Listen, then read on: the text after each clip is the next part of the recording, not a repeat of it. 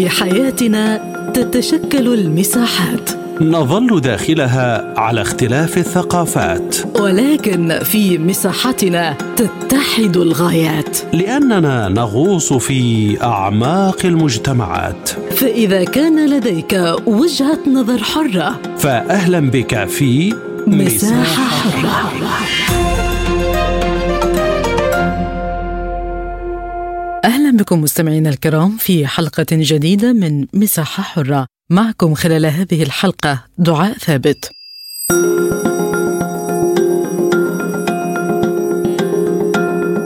أعلن ولي العهد السعودي الأمير محمد بن سلمان عن تأسيس بلاده لمنظمة عالمية لتعزيز الجهود العالمية. في سبيل معالجة تحديات المياه بشكل شمولي.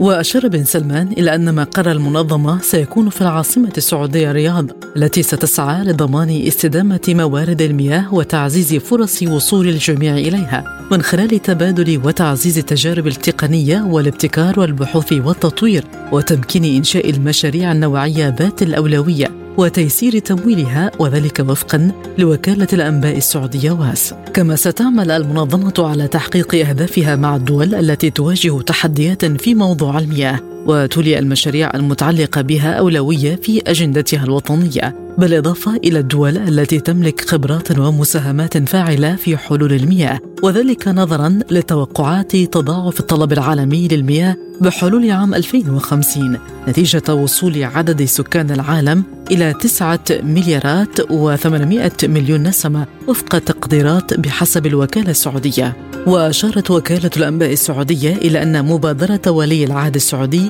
بتأسيس منظمة عالمية بشأن المياه يأتي تأكيدا لدور المملكة العربية السعودية في التصدي لتحديات المياه حول العالم والتزاما منها بقضايا الاستدامة البيئية وانطلاقا مما قدمته على مدار عقود من تجربة عالمية رائدة في إنتاج ونقل وتوزيع المياه وابتكار الحلول التقنية لتحدياتها ومساهماتها في وضع قضايا المياه على رأس الأجندة الدولية. ومن ذلك تقديمها تمويلات تجاوزت 6 مليارات دولار لدول في أربع قارات حول العالم لصالح مشاريع المياه والصرف الصحي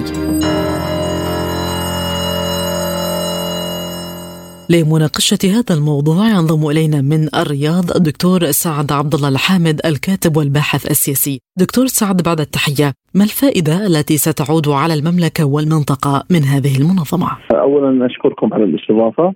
طبعا لا شك بأن أزمة الأمن المائي الآن تعتبر أزمة عالمية ونجد العديد من الدول الآن يعني تعاني من مشاكل المياه ابتداء من دولنا العربية. طبعا المملكة العربية السعودية يعني يعني تحاول من خلال هذه المبادرة يعني التي تنم من حرص انطلاقا من حرص الرياض على تطوير وتضافر الجهود الدولية وكذلك للمنظمات لمعالجة تحديات المياه بشكل شامل. أيضا لدى المملكة هاجس يعني كبير من هذه المشكلة مستقبلا ولديها خبرات كبيرة سابقة في نقل وتوزيع المياه وابتكار حلول تقنية لمواجهة هذه التحديات وبالتالي تستطيع من خلال إنشاء هذه المنظمة أن يعني تقدم حلولا مبتكرة مستقبلية لمشاكل المياه في العالم. ترغب المملكة أيضا تعزيز التجارب النوعية والتقنية والابتكارية والبحثية والتطويرية لتمكين إنشاء يعني مشاريع نوعية ذات أولوية إضافة إلى سهوله إمكانية سهولة تمويل هذه المشاريع لضمان ان أن تؤدي إلى الاستدامة المطلوبة واستدامة موارد المياه وتعزيز فرص وصول الجميع إليها.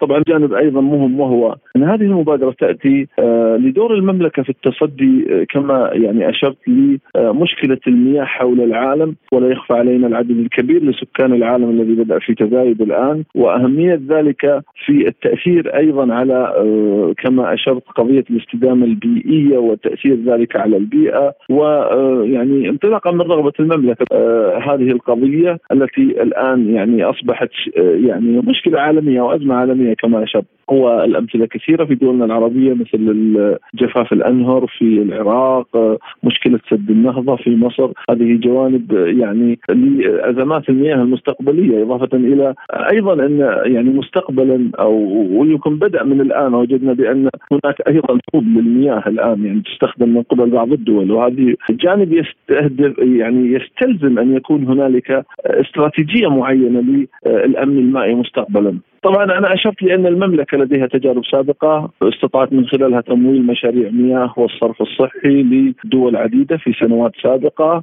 في قارات مختلفة بمبالغ تجاوزت 6 مليارات دولار. آه، طبعا آه، نجي للهدف هدف المنظمة نفسه يعني تهدف هذه المنظمة مستقبلا يعني استهداف دول تواجه تحديات مع المياه و تعتبر مشاريع المياه بالنسبة لها تمثل مشاريع المياه بالنسبة لها أهمية آه، كبيرة. واضافه إلى استهداف أيضا الدول التي تمتلك خبرات ومساهمات في هذا المجال للاستفاده من هذه الخبرات وأيضا كذلك المنظمة تهدف إلى أن يعني تحقق التنمية المستدامة في ظل يعني وجود يعني وجود جهود دولية بين المملكة ودول أخرى وبالتالي تحقيق وفرة المياه وبالتالي يعني يعود ذلك بشكل إيجابي على مسألة الأمن المائي أو مشكلة الأمن المائي الدائم مستقبلا. نعم. يوجد حوالي خمس عشرة دولة عربية تعاني من الشح المائي. هل نستطيع القول أن السعودية ستساهم بشكل كبير؟ في حل مشكلة هذه الدول المائية؟ لا شك بأن المملكة الآن تحاول فعلا من خلال هذه المنظمة أن يكون هنالك يعني مواجهة لهذا التحدي لأن هذا التحدي بالإضافة للتحديات الأخرى التي هي تحدي الأمن الغذائي. ورأينا كيف أثر أيضا على بعض الدول. ونرى الآن اتفاق يعني انعكاسات يعني الحرب الروسية الأوكرانية واتفاقية الحبوب والمراوحة الآن في هذا الموضوع. هذا جانب يعني آخر إلى جانب أهمية مشكلات المياه الآن. ولا شك بأن وجود منظمة جامعة أو تكون المملكة العربية السعودية تستقطب إلى يعني إلى جوارها في هذه المنظمة دولا تملك قدرات وخبرات ويعني لديها تجارب سابقة سيحقق يعني الاستفادة الموجوده من هذه المنظمة وسيكون هنالك يعني قفزة نوعية ل يعني التاثير على موضوع البيئه كذلك نرى بأن يعني حتى العالم الآن يهتم بالبيئة والتغير المناخي والمياه أيضا جانب من هذه الجوانب التي تضر بالبيئة، وهذه جوانب يعني مهمة في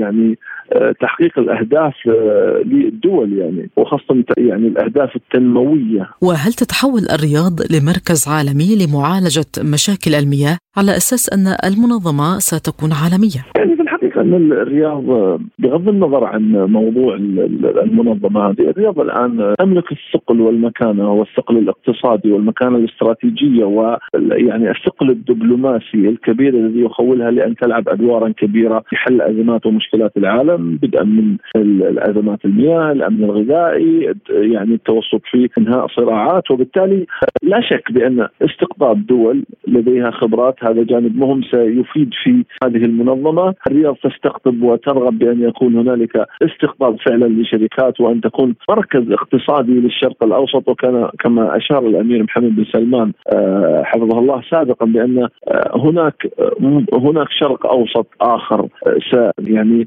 نجده وسي يعني يسعى سموه لأن نصل إليه في السنوات القادمة وهو ما نراه الآن يعني التغييرات التي تحصل والمملكة الآن يعني بصماتها واضحة جدا وأظن بأن هذا ال ال ال هذه المنظمة هي جانب من الجوانب التي آه، ستكون لها دور بارز في الحفاظ على مورد مهم وهو مورد المياه والذي يعتبر يعني شيء مهم لجميع الدول آه، يعني في هذه الفترة نعم. وما الوقت المتوقع لحصد ثمار هذه المنظمة؟ أنا أتوقع بأن طبعا آه، إحنا رأينا بأن الآن سنضع بذره آه، يعني أسس قواعد ننطلق منها من خلال استقطاب الخبرات آه، التجارب السابقة الاستفادة التطوير. أنا أعتقد بأن يعني المشروع سيأخذ يعني لست يعني فني متخصص ولكني أنظر بأن خلال الخمس سنوات القادمة بأن سيكون هناك يعني ثمرات واضحة وأنا عندي حدس و يعني عندي علم بأن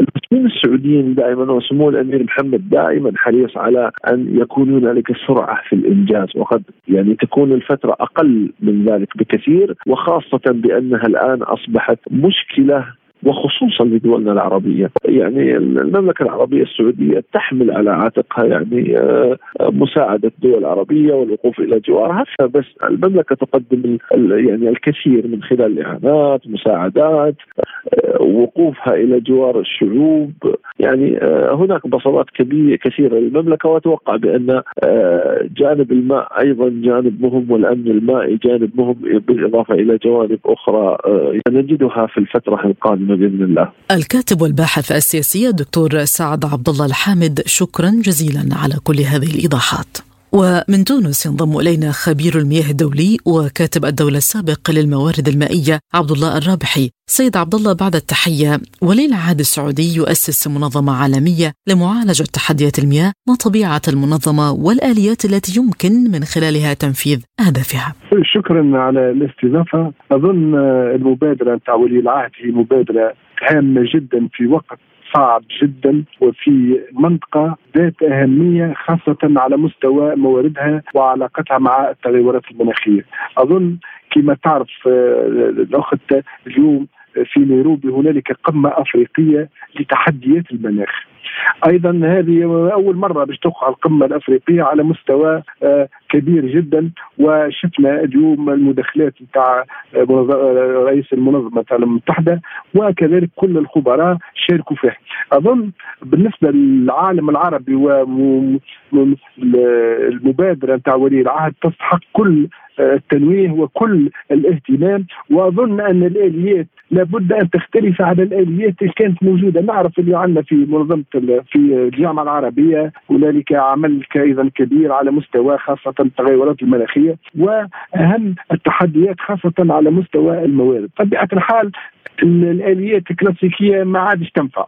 واعتقادي مبادرة إذا كان يقع التهيئ لها بالصفة الكاملة ووضع الآليات ووضع الدول اللي هي تقريبا متقاربة في حوض البحر المتوسط على مستوى الجنوب والشرق الأوسط وشمال أفريقيا أظن معناها المبادرة دي معناها تعتبر حسب رأيي من أهم المبادرات وإن شاء الله معناها إن شاء الله آه، كل الأطراف تلتقف وتخطف هذه المبادرة وتوضع لها الآليات وأسس التشاور. ولكن من المفترض أن تمتد المنظمة لما هو أبعد من الشرق الأوسط وشمال إفريقيا، فهل تحقق أهدافها بالرواج والانتشار؟ والله صح يلزمنا نشوفوا ما هو الدور اللي تلعبه المملكه، نعرف تقريبا كل الأخوان والناس كلها تعرف اللي تقريبا 40% من المياه المحلات على مستوى العالم مياه البحر المحلات في السعودية، والسعودية المملكة المملكه السعودية عملت تجربة وعملت قفزة إلى الأمام خاصة على مستوى مستوى التحكم في التكنولوجيات على مستوى المياه وخاصة على مستوى تحلية مياه البحر. وأظن هذا لأنها قاعدة. ثم أن هي توا المملكه العربية السعودية عندها أيضا في قلب التغيرات المناخية وقدرتها المالية وقدرتها المالية وإشعاعها على مستوى العالم. علاش؟ ما تقدرش هي تكون تقود العالم في منطقة اللي هي مجبورة أكثر من غيرها وممسوسه أكثر من غيرها. أفريقيا أقل وقع من من دول شمال أفريقيا وحوض البحر المتوسط. ليش؟ لأنه المناطق هذه نحن عندنا ندرة كبيرة في المياه وكل الدول اللي هي العالم العربي خاصة هي موجودة تحت خط الفقر والشح المائي. وبالتالي عليه لا المبادرة دي في منطقة هي أكثر منطقة معناها متعثرة بالتغيرات المناخية. أكبر منطقة من قبل هذا نعرف اللي التساقطات المائية في المنطقة العربية ما تفوقش 100 ملم على مستوى معدل. إذا كان أخذنا من المساحة ثم دول ثم أماكن في تونس في في في, في كل البلدان العربية ما تصبش فيها أمطار بمستوى 50 أو 60 ملم في السنة. وهذا يجعل منها دول معناها حقيقة في أكثر مواجهة للتغيرات المناخية اللي أصبحت واقع تحديات هامة إذا هل ننتظر تنفيذ مشروعات هامة في الدول العربية من خلال المنظمة؟ أنا نتفائل علاه ما نتفائلش. إحنا اليوم نشوفوا تقريبا جل الدول. معناها الدول وأنا كنت خدمت في حكومة تونسية وعلى اطلاع وحضرت حتى على مستوى عديد المؤتمرات العربية. علاه لما لا؟ اليوم كنشوف أنا أهم المشاريع اللي اللي قاعدة تمول هي ممولة عن طريق بنوك آه، البنك الألماني مثلا في تونس KfW البنك العالمي عليه آه، خاصة إذا كان نعرف التجربة نتاع احداث صندوق عالمي اللي التغيرات المناخية وقع في في في COP باريس وفي COP معناها ما توصلش وفي الآخر آه اخر آخر مؤتمر وقع في مصر. ما وقعش اتفاق على الصندوق الأخضر. وبالتالي إذا كان مشاريع تمولها البنوك بصفة تو البنك العالمي يمول في كل الدول العربية في المغرب في الجزائر آه يمول في تونس تقريبا جل المشاريع. كذلك البنك الألماني عندنا حتى البنوك لا لا البنوك العربية ما تمولش. وتأخذ معناها تاخذ الخبرة نتاع اليوم. كنشوف المملكة العربية السعودية عندها تحكم كبير على مستوى التقنيات. اليوم كما حكيت عندنا تقريبا زوز مليار أكثر من زوز مليار دوات متر مكعب يقع تحليتها في السعودية. الجزائر وكذلك الكويت هذول يجوا في المرتبة الثانية والقطر. هذول الدول كلها على هنا ما يرجعوش منها أيضا منطقة وتجعل plateforme معناها محور لكل التقنيات. والتمويل ممكن. إذا كان نعرف تقريبا الصندوق العربيه تمول السدود السدود في تونس تمول فيها المنظمات العربية ذات قوة عربية الفاداس وهذول كل يمولوا في تونس الصندوق الكويتي يمول في تونس. معناها مش غريبة باش تكون المشاريع المائية الكبرى كما نشوفوا توا. معناها في تونس مثلا نعطيك مثال في تونس. معناها تعاملت خطه نتاع الماء في افق 2050 تكلفتها 73 ألف مليار. بطبيعة الحال إذا كان صناديق كيفك توقع تمويلها وبالتالي في نطاق التعاون العربي وفي نطاق المشاريع الهيكلية الكبرى. وبالتالي نقدر نحول المنطقة نتاعنا هذه إلى أول حاجة منطقة عندها قدرة واشعاعيه والمملكة العربية السعودية بتقنياتها بالأموال بقدرتها على التسيير وباشعاعها العالمي معناها تقدر وإحنا عندنا آه، ثقة في إخواننا في السعودية وفي إخواننا في كل المناطق العربية بكل من ناحيته يستطيع أن يساعد ونقدر أيضا أفريقيا. اليوم الدول اللي باش تشهد مشكلة كبيرة هي الدول الأفريقية. ونشوف اليوم الدول الأفريقية روسيا تجري من ناحية الصين تجري من ناحية. لما لا الصندوق هذا في اعتقادي والمبادرة تستحق كل الدعم وكل التشجيع وأنا ادعو الخبراء على الأقل باش يوضعوا الأسس والطرق وكيفية الإبحار في المبادرة. المملكة لديها قدرات وتقنيات كبيرة، ولكن إلى أي مدى هي بحاجة لتقنيات الدول الكبرى المتقدمة في هذا الصدد؟ اليوم آه، سامحني أنا في اعتقادي المملكة العربية السعودية قادرة. وأنا نعطيك نضرب مثال في ذلك. اليوم ما هي الدول اللي ما كانش عندها حتى باع في هذه اليوم سنغافورة قوة اقتصادية. لكن سنغافوره سنغافورة كان في وقت من الأوقات الرئيس نتاعهم يبكي على قطرة ماء شعبه عطشان. اليوم اليوم البلاصه هذه عملت قطب معناه مائي كبرى. اليوم جميع التقنيات والتكنولوجيات موجودة في سنغافورة وتغلبت حتى الدول الكبرى. لما لا نستغل الموجود حاليا. اليوم عندك حاجة هامة جدا نقولها لابد راهو إذا كان تم التقنيات تغيرت المناخية ما ثماش ماء بدون طاقة. اليوم الطاقة موجودة عندنا آه تقريبا خزان المستقبلي الأخضر. هو موجود في الدول العربية. إذا كان شفنا كل الدول هذه فيها أكثر من 300 يوم شمس. ونعرف إذا كان نقدر نقدر نقرن الطاقة بالماء وزيد نقرن الماء بالغذاء نقدر نجعل من هذه المبادرة وأنا ذكرت مثال في ذلك. وذكرت أنت أختي الحروب آه، القادمة ما. لا بالعكس حتى الحروب القديمة ما. غير هي الحرب القديمة. ديما عنصر الماء يدخل فيها لكن مش ظاهر عنصر الماء. والدليل على ذلك تنجم ترجع حتى الحروب العربية الأخيرة وتشوف العنصر. عندك الإشكالية بين الأردن وجيرانها لبنان وفلسطين المحتلة. وطبيعة الحال عندك أيضا المشكل بين العراق وسوريا من ناحية وتركيا لأنه منابع يجوا في تركيا وإيران. عندك المشكلة الثالثه هي بين باكستان والهند.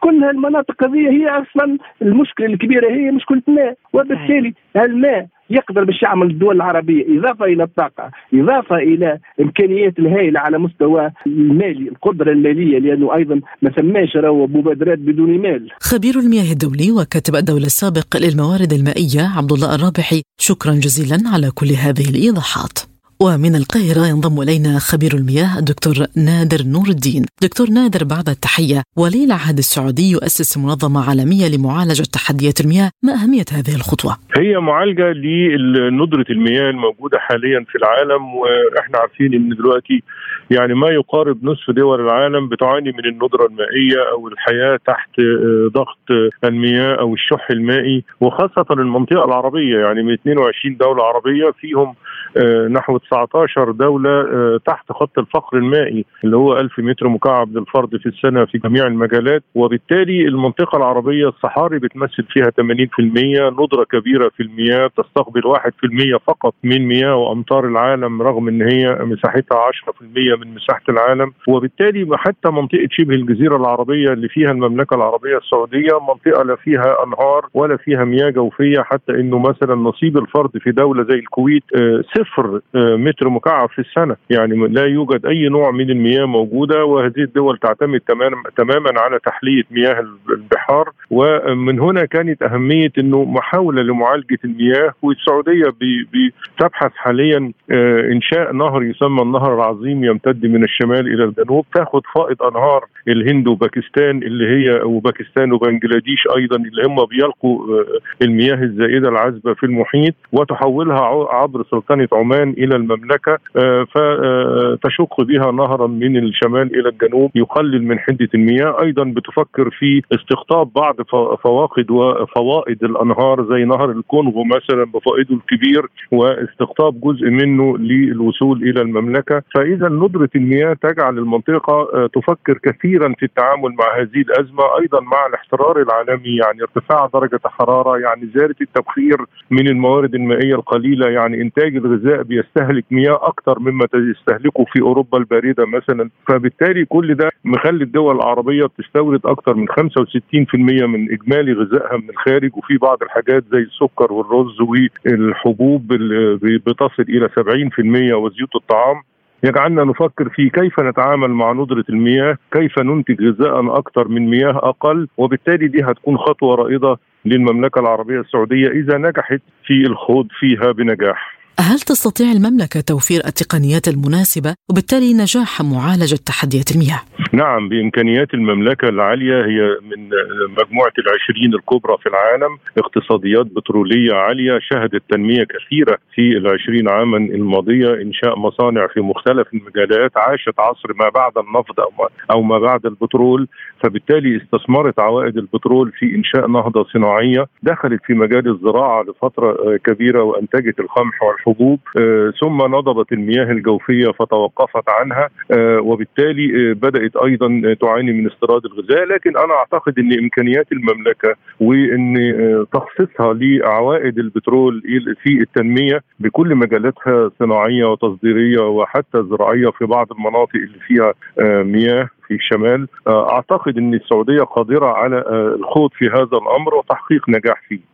تحدثت دكتور عن مشروع النهر العظيم فما حجم العائد من هذه الأنهر الصناعية والوقت الذي يحتاجه المشروع؟ هو يعني هو يعني نهر بيبقى ضيق يعني هو شبيه بترعة أو قناة ري تمتد من الشمال للجنوب يعني مش بيبقى زي الأنهار اللي بيصل عرضها مثلا زي نهر الأمازون كيلومترات وبيسمى النهر المحيطي لأنه بتدخل فيه السفن المحيطية وبيحتوي على 20% من مياه العالم نهر الأمازون وحده من أنهار العالم. انما هو هيكون نهر صغير عرضه في حدود من 5 إلى 8 متر هياخد فوائد الأنهار إنه عادة ممكن تنجح هذه الأمور. يعني إحنا مثلا من 200 سنة الوالي محمد علي عندما تولى قيادة مصر شق ترعة كبيرة من القاهرة وحتى مدينة الإسماعيلية في وسط قناة السويس. خلق مدينة ما كانتش موجودة قبل كده اسمها الإسماعيلية. اكتسبنا مساحة كبيرة من الأرض الزراعية علشان خاطر ترعة طولها 120 متر بس. فما بالك بقى إذا كان نهر أطول طوله 1000 متر. متر وهياخد فوائد كبيرة من أنهار دول جنوب شرق آسيا خاصة بنجلاديش وباكستان بتلقى في المحيط اوريدي يعني مش هياخد مية من نصيب حد ولا هيقلل الموارد لحد. وبالتالي إنه ممكن قوي نجاح مصر دلوقتي برضو بتشق نهر صناعي بطول 114 متر في الصحراء الغربية عشان تستصلح حوالي 2 مليون فدان تعويضا عن الأراضي اللي بنفقدها في الأرض الزراعية بالبناء عليها أو إنشاء مصانع أو غيره. فبيكتب لها عادة النجاح إذا ما خطط لها بشكل سليم وإذا كانت تذهب إلى الغرض منها إذا كان غرض تنمية زراعية يبقى تحدث تنمية زراعية زي اللي حصل في مدينة الإسماعيلية. إذا كانت تنمية صناعية يبقى مدن صناعية هتنشأ على هذه المياه وعادة الصناعة تحتاج كمية كبيرة كمية قليلة من المياه وتعطي عائد كبير جدا أكبر كثيرا من عائد الزراعة يمكن من 10 إلى 20 ضعف. وعشان كده دايما الدول شحيحه المياه مفترض أن تستثمر في الصناعة أكثر من الزراعة المستنزفة للمياه. وذات عائد قليل نظرا لأن الغذاء ينبغي أن يكون رخيصا دائما وليس للأغنياء فقط إنما للفقراء قبل الأغنياء. ما توقعاتكم للتعاطي الدولي مع هذه المنظمة السعودية خاصة مع الدول التي لديها تجارب رائدة في هذا المجال؟ شوفي الأمم المتحدة، البنك الدولي، منظمة الأمم المتحدة للمياه ال UN Water، منظمة الأمم المتحدة للبيئة بتدعم بشدة أي تعامل مع ندرة المياه، أي تعامل مع توفير ومنع الإهدار في المياه زي مثلا دعم تبطين الترعة في مصر دعم من البنك الدولي مثلا ال UN Water تطوير الري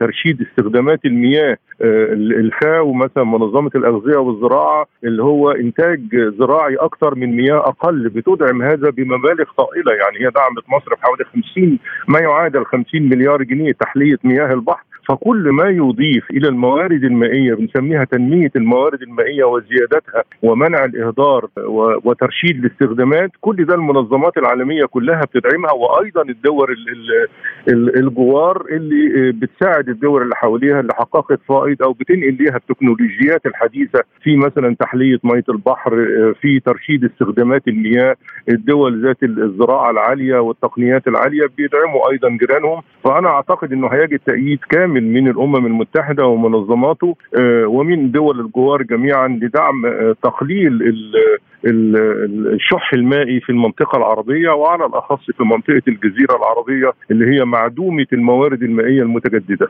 هل يغير المشروع من طبيعة الجزيرة العربية التي لا تملك غطاء نباتيا؟ نعم بالتأكيد هيغير يعني هي المنطقة صحراوية زي ما قلنا الصحراء بتمثل 80% من كل الدول العربية، الصحراء الكبرى بتبدأ من دول الخليج يعني من أقصى الغرب عند سلطنة عمان شاملة بقى السعودية والكويت والإمارات داخل على مصر وليبيا والجزائر حتى المحيط الأطلسي أو الاطلنطي فإذا كل دي المنطقة الصحراوية هي بقت صحراوية نتيجة ندرة المياه. يعني لا تستقبل في العام أكثر من 25 ملي من الأمطار عشان كده بقت صحراء ما فيهاش غطاء نباتي. إذا عندما يوجد لها مصدر للمياه والسعودية خاضت تجربة من 10 سنوات في زراعة القمح بنجاح في الصحراء عن المياه الجوفية ونجحت بل وصدرت صدرت وأعطت معونات لدول الجوار من القمح.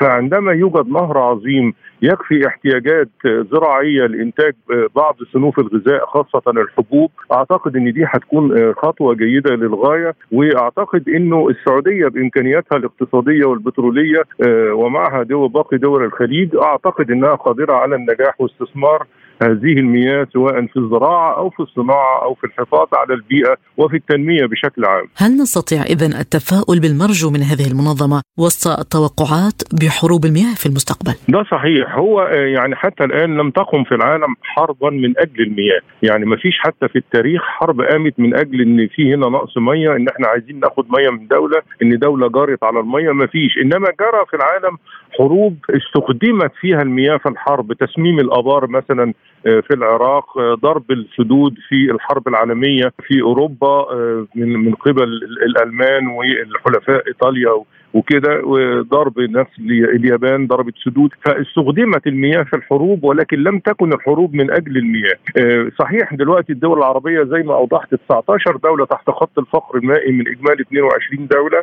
السدود التي أقامتها تركيا منعت ميه بشكل كبير. مثلا نقصت حصة العراق ب 25 مليار متر مكعب دي حصه كبيرة. نقصت حصة مليار بدل 1200 مليار. هيتعمل يعني نهضه شاملة في السودان وجنوب السودان ومصر. يقترب من 100 مليار بس ويرمي 1100 في المحيط الأطلنطي نهر الكونغو فأنا أعتقد إنها قد تكون بداية لنقل مياه الأنهار التي تلقى في المياه المالحة وإن البشر أولى بهذه المياه وبالتالي قد تكون بداية خطوة المملكة في إنه نبدأ مشروعات كثيرة في نقل مياه أو فائض من مياه الأنهار العالمية إلى الدول التي تعاني من الفقر والشح المائي. خبير المياه دكتور نادر نور الدين شكرا جزيلا على هذا اللقاء. الشكر موصول لكم مستمعينا الكرام بإمكانكم الاطلاع على المزيد عبر موقعنا اي